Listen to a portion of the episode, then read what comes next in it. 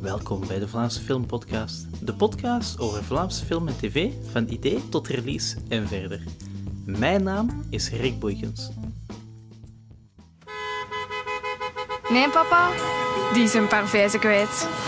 Allee, dat zeggen ze toch. Zoe. Zoe.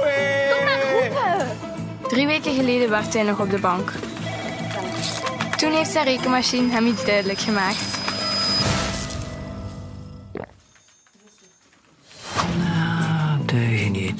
Dat zeg je een grote deugeniet, hè? Ik heb ontslag genomen. Ontslag? Nog nieuws? Ik heb een keer nagedacht over mijn professionele situatie. Zwijg erover. Papa wordt acteur. Huh? Acteur, ja. Je gaat mij binnenkort op de planken zien. Wat voor planken? Ga je compleet belachelijk maken? Papa is niet belachelijk. Mijn vader is een saucis is sinds vorige week te zien in de cinema. In de film zien we Johan Heldenberg als een man die zijn job opgeeft om acteur te worden en hoe zijn prettig gestoorde familie daarmee omgaat. Ik sprak met regisseur Anouk Fortinier over hoe ze bij de film betrokken raakte, waarom sommige dingen niet te goed gedaan mogen zijn en ze vertelt een mooi verhaal over de première.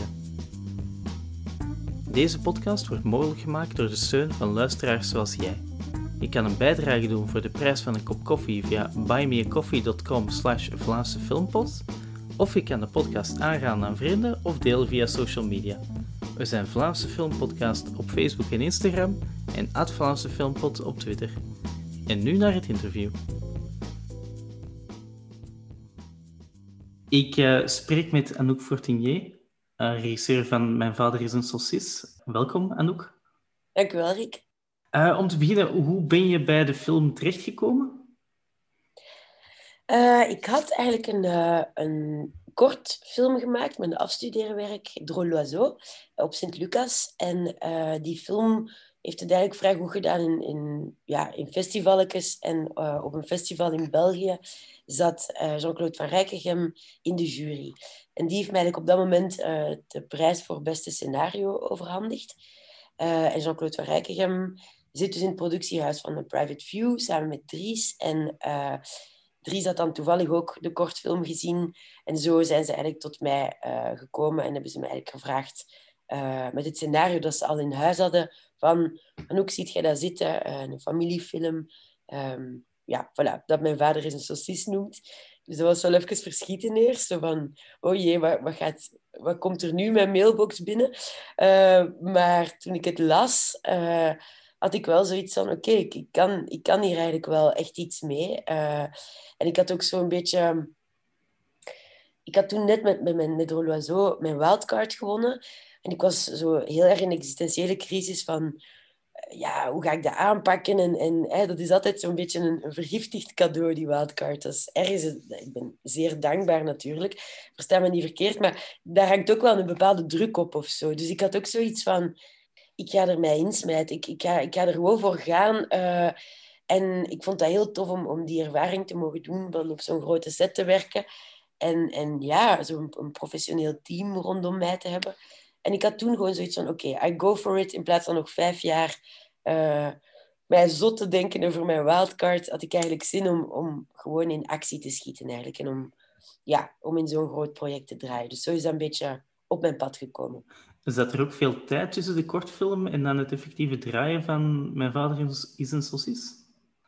Daar zat toch wel wat tijd tussen, want eh, allee, mijn vader is een saucis, heeft in totaal drie jaar geduurd. Dus met de rewrite van het scenario, allee, of, of toch daar mijn elementen in willen steken en dan eh, de animatie ook. eh, en het uiteindelijk draaien, dan de postproductie, dus de montage, maar dan COVID die daartussen liep. Dus in totaal, ja, dat is nu toch wel... Ik denk dat Drôle l'Oiseau in 2015 was. Eh, en nu zijn we 21, hè, dus dat is... We zijn echt al zes jaar later na mijn eerste kortfilm. Ja. En heb je dan veel van die kortfilm eh, kunnen overdragen naar de langspeler? Ik denk dat wat het er vooral eh, in, in beide voorkwam, was echt een vader-dochterrelatie.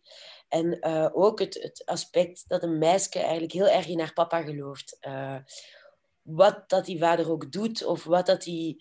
Allee, bij de ene trekt hij een worstenpak aan eh, en in Drôle ja, is hij nogal labiel of zo. Maar het grote, de grote gelijkenis is volgens mij dat, dat dat kind onvoorwaardelijk van haar vader blijft houden. En dat vind ik eigenlijk heel mooi in... ehm, ja, sowieso vind ik altijd dat heel schoon aan, aan, aan kinderen. Dat ze eigenlijk altijd zo'n beetje die onvoorwaardelijke liefde naar hun ouder toe hebben. Dus in die zin denk ik dat dat zeker ook wel eh, een element is waarom dat Jean-Claude mij gevraagd heeft om deze film te draaien. Eh, je zegt ook dat er heel veel, dat er nog een rewrite is gebeurd. Dat is dan op basis van jouw, eh, jouw inbreng.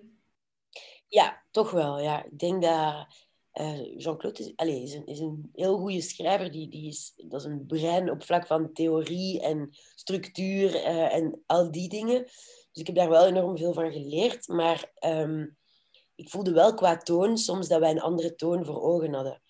Daar voelde ik wel heel erg aan van oei, ehm, qua humor en zo zaten wij niet op dezelfde lijn. Dus ik, mijn hele bedoeling met, met Mijn Vader is een Saucis was eigenlijk om een ja, een tragicomedie te maken. Om eigenlijk een soort van emotioneel aspect ook echt te brengen bij de karakters. Dat dat geen eh, ja, vlakke persoonlijkheden waren, maar dat er wel diepte in zat. En dat je bij die vader bijvoorbeeld ook echt... Dat dat niet alleen maar een grapjas was of een soort van man die heel egocentrisch zijn droom wou navolgen. Maar dat je ook echt voelde van dat is een man die, die in een tweestrijd zit. Enerzijds heeft hij een familie waar hij voor moet zorgen, heeft hij een huis die hij moet afbetalen. Anderzijds is er een stemmetje in zijn buik die hem zegt dat hij zijn dromen moet volgen. Dus ik, dat was denk ik mijn, mijn werk heel erg... Allez, toen ik met Jean-Claude uh, aan de slag ben gegaan, was van... Oké, hoe krijgen we diepte in die personages? Hoe kunnen we het allemaal wat nuanceren? Uh, en voor mij was het ook heel belangrijk om... om er geen flauwe humor in te steken. Ik, had, ik wou echt dat er... Uh, ja, we kijken naar een man in een worstenpak, maar dat moet niet billenkletserij worden. Dat moet echt ergens moeten geraakt zijn van die man die dat kostuum gaat aantrekken. Omdat je die eigenlijk begrijpt. Uh, en dat, dat was voor mij heel erg de insteek. Ik vond het ook heel mooi dat heel de familie zo groeit tijdens de film. Ja, uh, ik denk dat dat... Um, dat is een familie die, die leeft op automatische piloot. Hè. Ze, ze hebben allemaal een soort van realiteit aanvaard, omdat zo moet, of omdat zij denken dat het zo moet. Uh, en ik denk dat veel mensen met dat probleem struggelen eigenlijk, om eigenlijk op een gegeven moment dat je stopt met nadenken in je leven. En um, dat is voor mij wat er binnen dit gezin gebeurd is. Iedereen leeft zijn leventje op automatische piloot, maar niemand denkt echt na over de fond van waarom doen wij dit of waarom maken wij eigenlijk die keuzes.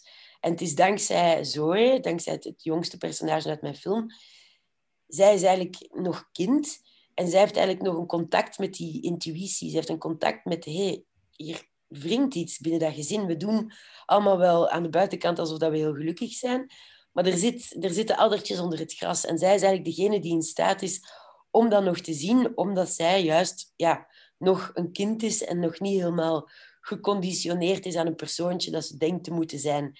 En uh, het is dankzij ja, haar blik naar haar vader toe en het feit dat zij daarin gelooft, dat de vader er eigenlijk ook in gelooft en ook terug in zichzelf gelooft. En daardoor het hele gezin eigenlijk uh, een beetje inspireert om, om van hun afzonderlijke planeetjes uh, weg te gaan om toch te proberen op één planeet samen te wonen.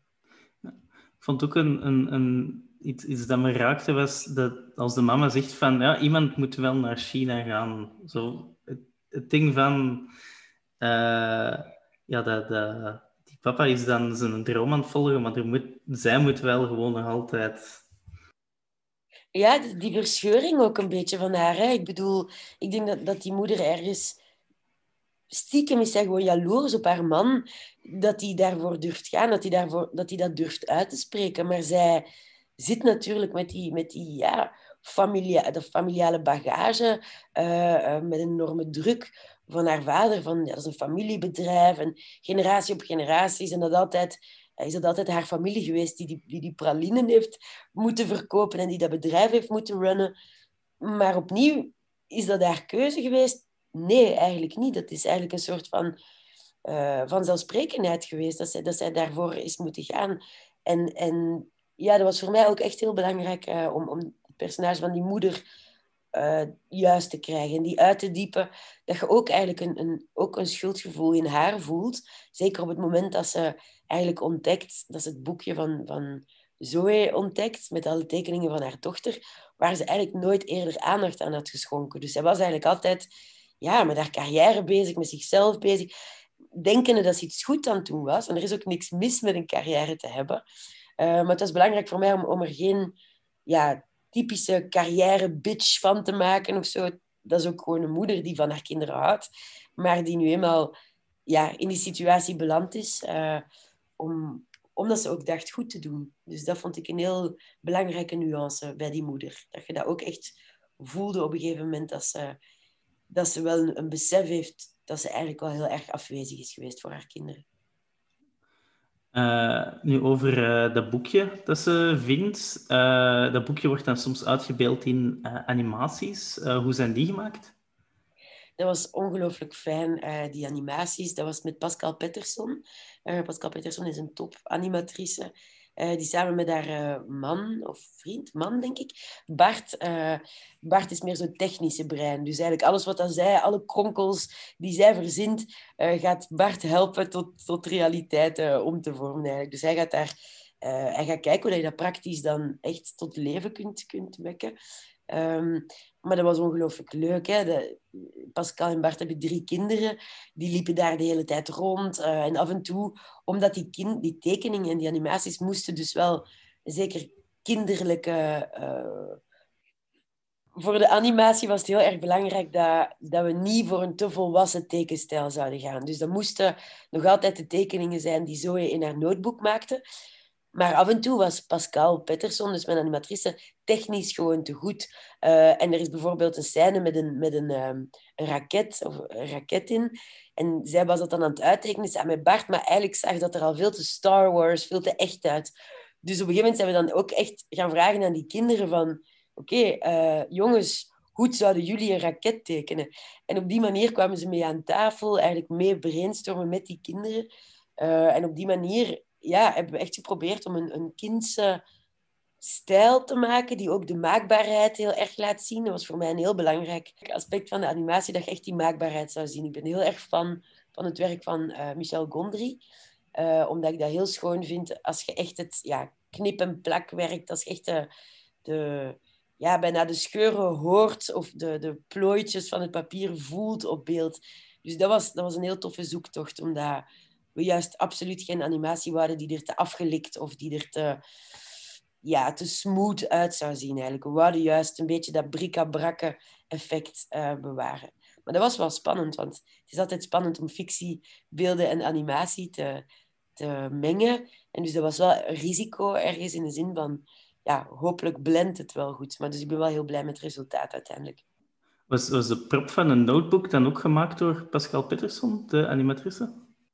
Ja, ja, inderdaad. Dus die is dan ook uh, alle tekeningen erin beginnen plakken. En thuis heeft ze nog pff, vijf, zes, zeven volle notebooks vol hersenkronkels en brainstormen die we hebben gehad over andere mogelijke uitwerkingen van de animatie. Dus uh, dat is eigenlijk heel mooi materiaal. Dat is eigenlijk, ja, die zou daar zelfs een expositie of zo mee kunnen doen, denk ik. Dat is ongelooflijk tof om, om dat werkproces te zien. Uh, de, film gaat over een uh, pregestoorde familie. Heb je daar bepaalde invloeden voor? Ja, mijn invloeden... Het is niet voor niks dat ik denk ik altijd wel aangetrokken ben uh, tot personages die, die niet helemaal op het rechte pad wandelen, als we het zo zeggen. Ik denk dat ik zelf ook heel erg uit een prettig gestoord gezin kom. alles wat daar normaal en, en simpel was, was altijd onnodig complex en neurotisch de meest simpele ja, afspraken zelfs, is een en al moeilijkheid. En, en ja, het is, het is echt een film waard om met mijn familie op, op restaurant te gaan of zo. Wat dat daar allemaal gebeurt en hoe vaak dat wij van plaats veranderen in dat restaurant. Want het is nooit goed genoeg voor iemand. Ik bedoel, ja, ik kan honderden Woody Allen situaties uh, uh, die, die ik in mijn familie constant meemaak. Ik heb trouwens ook een notebook waarin ik soms ter, eh, ter bescherming eigenlijk alles in opschrijven, omdat ik denk, ik schrijf het op, wie weet wordt dat ooit een film, dan hoef ik er niet helemaal bij te zijn. Dus ik denk dat ik ook ja, sowieso zoals Fien uh, in dit verhaal, die zich zo vaak schaamt voor haar gezin, dat ik dat als puber ook verschrikkelijk had. Nu, uh, nu ben ik er intussen wel aan gewend en, en zie ik ook de schoonheid van, van ja, dat, dat niet aanpasbare aan de maatschappij of zo, zoiets. Um, dus nu zie ik absoluut de schoonheid daarvan in. Ik denk dat er veel ja, schoonheid ligt in het, in het kleuren buiten de lijntjes en, en, en in het anders zijn uh, dan de norm. Dat ik vind dat altijd heel erg interessant. Maar het is niet altijd evident. Of zo. Soms is het echt onnodig complex en, en raar. Uh, maar het, het brengt ook veel kleur met zich mee. Over, uh, over Fien gesproken, ik vond het ook wel leuk het, het bijpersonage van zo de, de jongen die dat viool leert spelen, uh, haar viool leert spelen. En dan zo aanwezig is op van die grote momenten in die familie. En er dan zo bij staat van oei, uh, wat gebeurt er hier? Ja, dat is, dat is Dimitri, hè, die, ik zag die zijn hoofd en ik wist, dat gaat hem worden. is echt, dat is ook een hele goede vriend van... Uh, dat zijn eigenlijk beste vrienden in het echt. Ik wist dat niet. Uh, maar Fien en Dimitri zijn in het echte leven dus ook eigenlijk goede maten. En toevallig had ik ze dan beide uitgenodigd op, op de auditie. En ik had ze dan toevallig beide gecast. Dus dat was wel heel tof. Dat ze dan samen konden spelen in de film. hoe verliep de samenwerking met Johan Heldenberg? Ja, ik ben enorm blij met, uh, met Johan Heldenberg als acteur en aan ja, zijn overgave. Alles wat dat hij mij eigenlijk als, als debuterend uh, regisseur gegeven heeft. Echt zijn vrijgevigheid in, in zowel ja, lange gesprekken over, over de diepte van de personages, als de zoektocht van Paul, als persoonlijke verhalen die ook aan boord kwamen om, om te proberen ja, te putten uit uw echte leven. Uh, en, en Um, in die zin ja, vond ik het echt een on ongelooflijke samenwerking met Johan. Ik vind dat een heel goede acteur. Hij, hij, neemt de rol zo serieus. Hij is daar zo, ja, echt ja, ongelooflijk hoe iemand zich zo kan smijten in, in een rol en, en ook de juiste vragen stelt. Echt, hij stelde echt vragen over de intenties van Paul. En als er dingen niet duidelijk waren in bepaalde zinnen dat hij niet aanvoelde, dan spraken we daar ook echt over. Johan is iemand die nooit zomaar een zin gaat zeggen omdat het in een, in een scenario staat. Hij gaat altijd zoeken naar ja, wat dat de ondertoon is van die zin, wat dat de subtekst is. En, en ja, het is gewoon een, een top, uh, topacteur. En, en ik was heel erg blij met, uh, met zijn, zijn chemie met Savannah ook. Uh, en hoe hij, ja, hoe hij die auditie heeft gedaan met Savannah en hem. Dat was heel schoon om te zien. En je voelde direct van, oké, hier, zit, hier zit echt iets interessants in. Dit is niet alleen maar schattig, vader en dochter, maar hier zit een soort van begrip of zo. Die begrijpen elkaar. En dat vond ik heel schoon. Uh, er is een scène waarin hij slecht moet acteren. Uh, is dat moeilijk voor hem dan? Uh, ik denk... Ja, dat was grappig, want iemand anders had ook die vraag aan hem gesteld tijdens de première. Maar bijvoorbeeld op het einde doet, doet hij Cyrano, hè? maar dat is echt zijn lievelingsstuk. Dus daar kon hij zich volledig eigenlijk geven als de Johan dat hij is. En ik denk dat hij gewoon, om slecht te acteren, minder gaf. Dus dat hij echt gewoon eigenlijk deed wat hij normaal niet deed. Namelijk gewoon, oké, ja, ik ga mijn tekst doen. Maar dus totaal niet met zijn buik spelen. En volgens mij heeft hij het zo ergens een, een juiste toon gevonden. Zo van, oké, ik ga gewoon niks geven. Ik ga het doen, maar ik ga het niet geven. En, en dat ziet hij dan heel erg het verschil met, met zijn monoloog op het einde, waar hij wel echt alles geeft. En dan wenst je ergens, allee, hopelijk als publiek, van goh, ik hoop dat het die man toch slaagt om, om dat hij er toch in slaagt om, om ooit iets met zijn passie te doen of zijn droom te volgen. Was er een uh, moment dat je moest vertellen van sorry Johan, dat is toch iets te goed geacteerd uh, voor deze scène? Nee, die, die snapte dat wel of zo. Uh, ja, ik denk wel in de tuin. Uh, op een gegeven moment zit hij in de tuin met zo'n verschrikkelijke kostumen aan. En daar uh, was hij op een gegeven moment met te veel, te, te, professioneel inderdaad aan het doen. Dat ik zo dacht, ja nee, dat pakt niet. Nu zijn geen, nu zijn geen amateur, nu zijn een echte acteur. Dus dan moest ik hem inderdaad wel... Ja, ik weet nog, dat moment, dat klopt wel. Dat, hij was te, te gepassioneerd in zijn monoloog. Dus we moesten dat een beetje downsizen. Uh, voor sommige scènes draagt hij het uh, worstenpak. Uh, ik neem aan dat jullie wel vrij veel scènes ermee hadden. Hoe was het om daarmee te draaien? dat was heel erg grappig, denk ik. Omdat ja, de mensen op straat wisten natuurlijk niet, hadden geen flauw benul van wat wij aan het doen waren. En er waren heel veel scènes met Johan in een worstenpak op de fiets door Gent, hè, door de drukke winkelstraten. En wij waren aan het filmen vanuit een raam. Um, uh, van in de vooruit was dat volgens mij. Ja, ik denk dat dat in de vooruit was. Dat wij vanuit het raam eigenlijk het, ja, een soort van topshot namen op dat fietsje door de stad. Dus dat was hilarisch om al die mensen zo naar elkaar te zien kijken van wat is hier in godsnaam aan het gebeuren? Was dat Johan Heldenberg? Allee, mensen maakten ook die associatie ineens van wat doet die man in godsnaam in een in een worstenpak. Is het zo erg met zijn carrière gesteld dat hij dat nu moet doen? Uh, dus dat waren, dat waren hilarische momenten. Ja, dat was heel tof. Maar ook grappig hoe snel dat je went. Hè? Je bent ook uiteindelijk went je heel snel aan een worstenpak. Na dag, dag één was dat hilarisch, maar na de tweede dag, ja, waren we gewoon allemaal naast die saucies aan het, lunchen. En was dat allemaal uh, de normaalste zaak van de wereld geworden. Uh, de dochter Zoe wordt gespeeld door Savannah van den Driessen. Hoe zijn jullie bij haar terechtgekomen? Savanne van den Driessen uh, heb ik uitgenodigd op een casting, omdat ik haar heb zien spelen in Rosie en Moussa. Um, wat ik ook heel goed vond. En ja, we hadden eigenlijk audities met verschillende kinderen. Maar wat mij bij Savannah opviel, was dat dromerige aspect. Een soort van ja, innerlijke wereld die, die heel aanwezig was.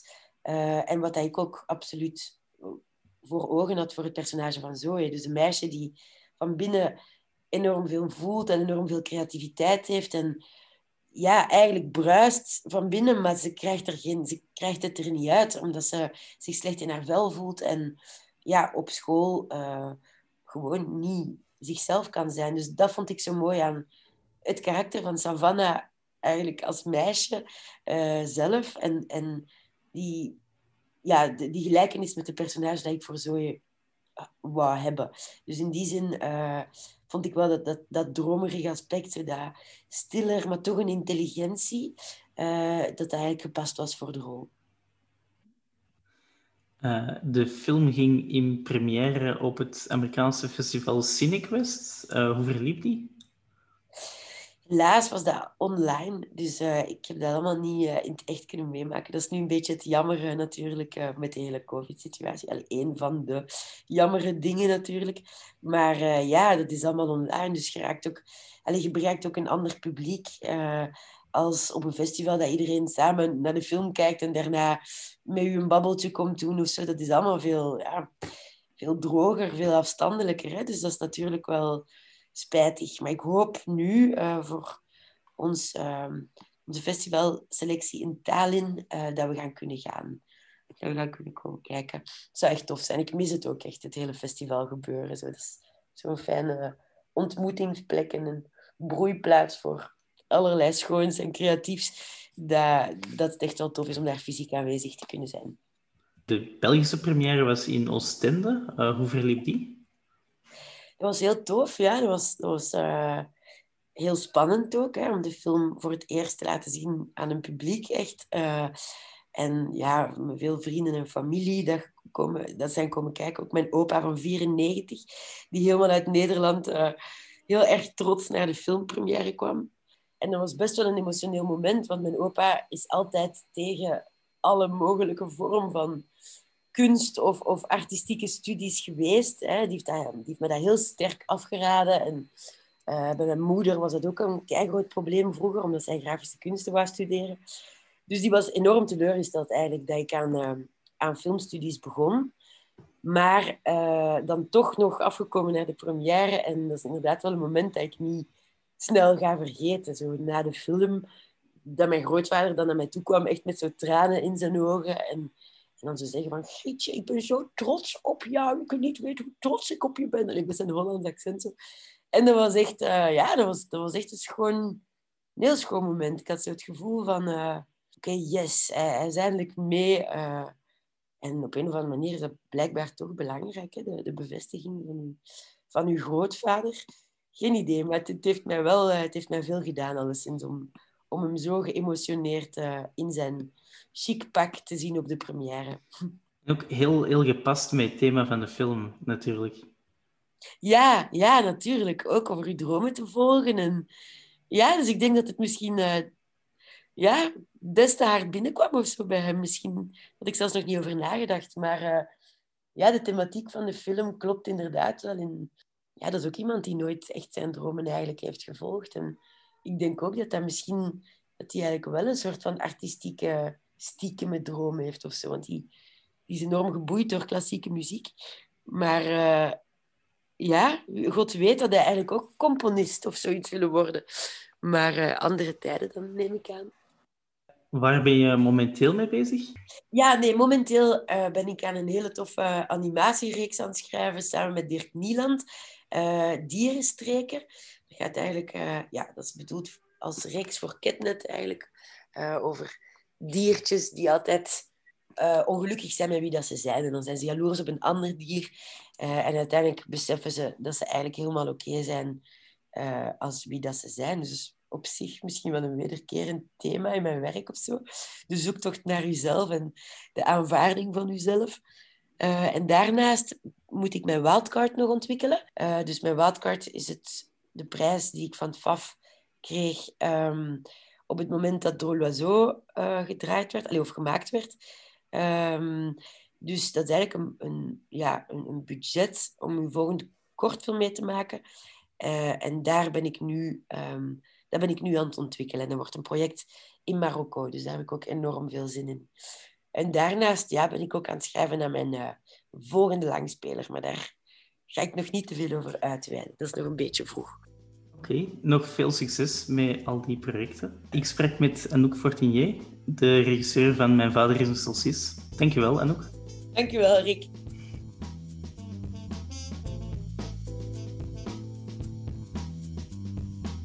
De vorige aflevering van de podcast kan u beluisteren via Apple Podcasts, Spotify of de website Vlaamse Filmpodcast tot wordpress.com.